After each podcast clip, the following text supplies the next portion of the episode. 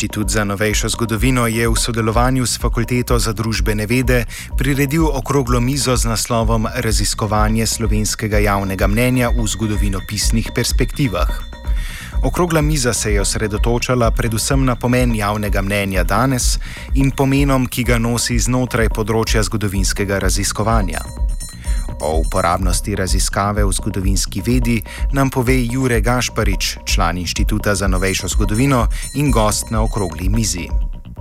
Politične zgodovine, gospodarske zgodovine, zgodovine vsakdanjega življenja, kaj so ljudje mislili o politikih, kaj so ljudje mislili o svojem standardu, kaj so si želeli, česa so si želeli, česa so se bali, so bili zadovoljni z enim Jugoslaviji in ne nazadnje, kaj danes mislijo o svoji preteklosti. Ne? Ali vrednotijo Jugoslavijo pozitivno, negativno, kaj mislijo o lastni preteklosti, kaj mislijo o, o komunistih, partizanih in tako dalje. Teme, ki burijo duhove, smo malo bolj podrobno pogledali in pravzaprav ugotovili, da so ene stvari malo zaskrbljujoče, generalno gledano pa je ta družba dosti manj razdeljena, kar zadeva preteklost, kot se mogoče izbine, če berete časopise, poslušate medije. Sogovornik poudari, da je poleg uporabljanja raziskave javnega mnenja kot zgodovinskega vira, ta prav tako pomembna v luči pojasnjevanja odnosa do preteklosti, govori Gašparič. En aspekt je ta, da lahko uporabljamo te raziskave kot vir za preučevanje same preteklosti, 70-ih, 80-ih let zlasti. Po drugi strani pa lahko uporabljamo tudi izsledke teh raziskav za pojasnjevanje odnosa do preteklosti. Ne kako Slovenci vidijo danes svojo preteklost in kakšno ta je, kakšno odnos imajo do partizanstva, do obranstva, do Jugoslavije, do bivših politikov, kakšno vlogo imate pri tem šolski sistem, mediji, družinski krok in tako dalje. In lahko ugotovimo pravzaprav tudi nekatere trende, oscilacije, ki jih moramo še analizirati in interpretirati, ampak pravzaprav ljudje se skozi pozitivno vrednotijo narodno sindilni boj, partizansko gibanje, po drugi strani so negativno razpoloženi do kolaboracije. Odnos do komunistične partije in režima pa je zelo zanimiv. Ne, ljudje nekako to pozitivno vrednotijo, mogoče po letu 2000 še bolj kot po letu 90, kar je po svoje zanimivo. Ne.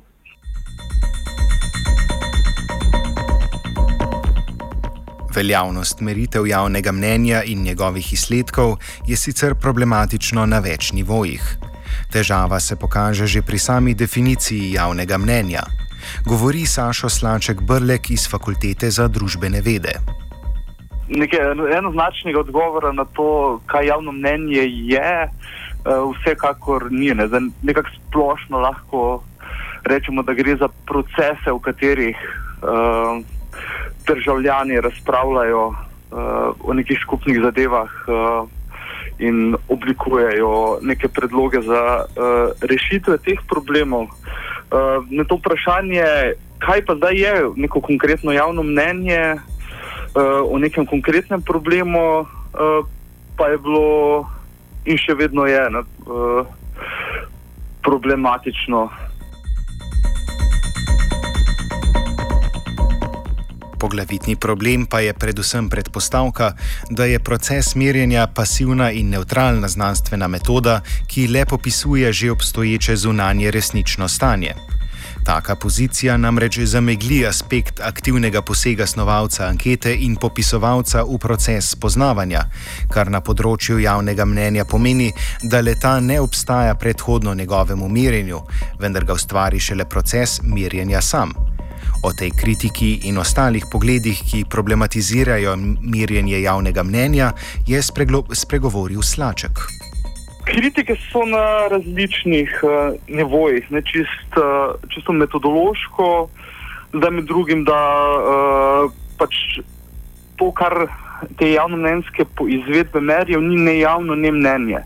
Ne kot prvo, javno ni v tem smislu, da gre za popolnoma, nek popolnoma zaseben pogovor med anketarjem in respondentom, ki ostane uh, anonimen.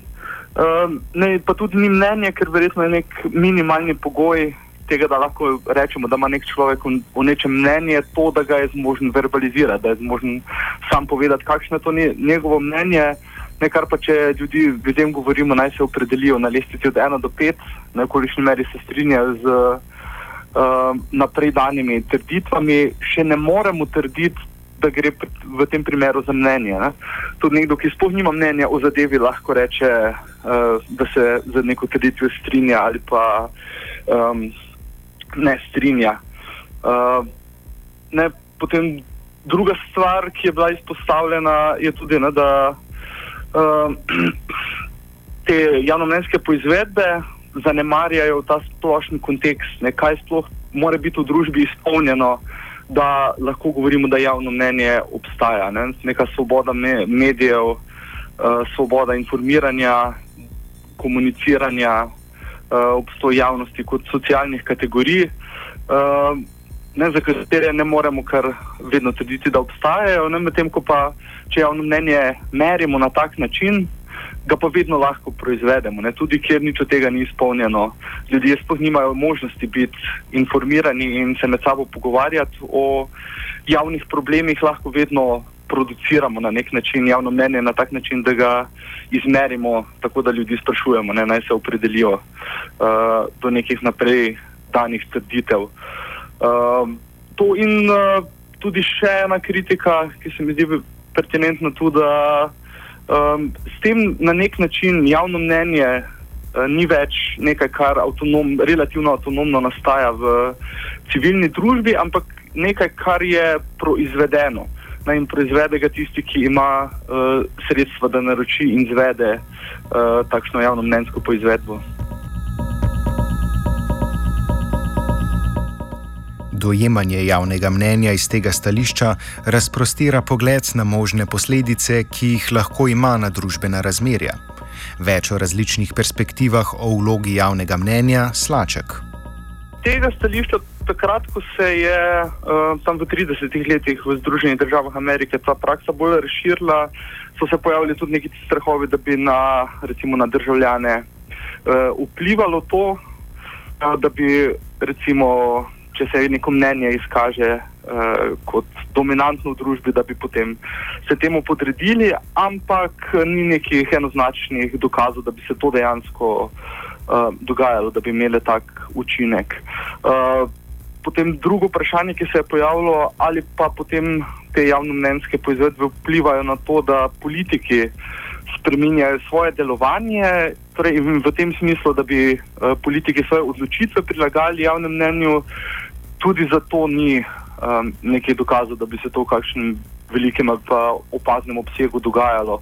Uh, ne, za kar imamo zelo dobre dokaze, je, da uh, politiki in drugi nosilci moči, ne, tudi ekonomski akteri, uporabljajo te podatke, da bolj učinkovito komunicirajo, da identificirajo um, tiste skupine prebivalstva, ki jih je možno uh, prepričati.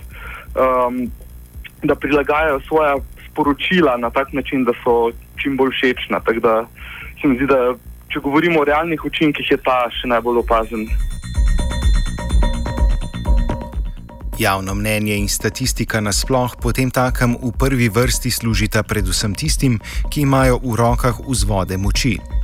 To sicer še ne pomeni, da statistika kot taka utrjuje obstoječa družbena razmerja, saj je upeta v kontekst strategije oblastnih mehanizmov.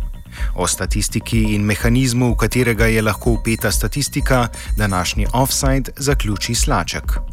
Statistika je del našega vsakdanjega življenja, ne samo v obliki javnomnenjskih poizvedb, tudi drugače. Tako da vsekakor mislim, da je skoraj nujno, da je človek vsaj minimalno pismen v statistiki, ne, če hoče um, spremljati svet in razumeti, kaj se v, v njem dogaja.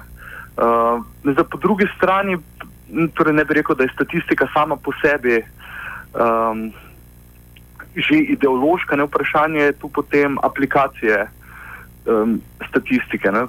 Z statističnimi metodami vedno lahko nekaj izračunamo. Ne. Koliko je pa to smiselno, ne je pa potem drugo vprašanje. Ne. In zato tudi konkretno um, na primeru raziskovanja javnega mnenja, ne, en efekt, ki ga je ta uh, razvoj javnomenskega poizvedovanja imel.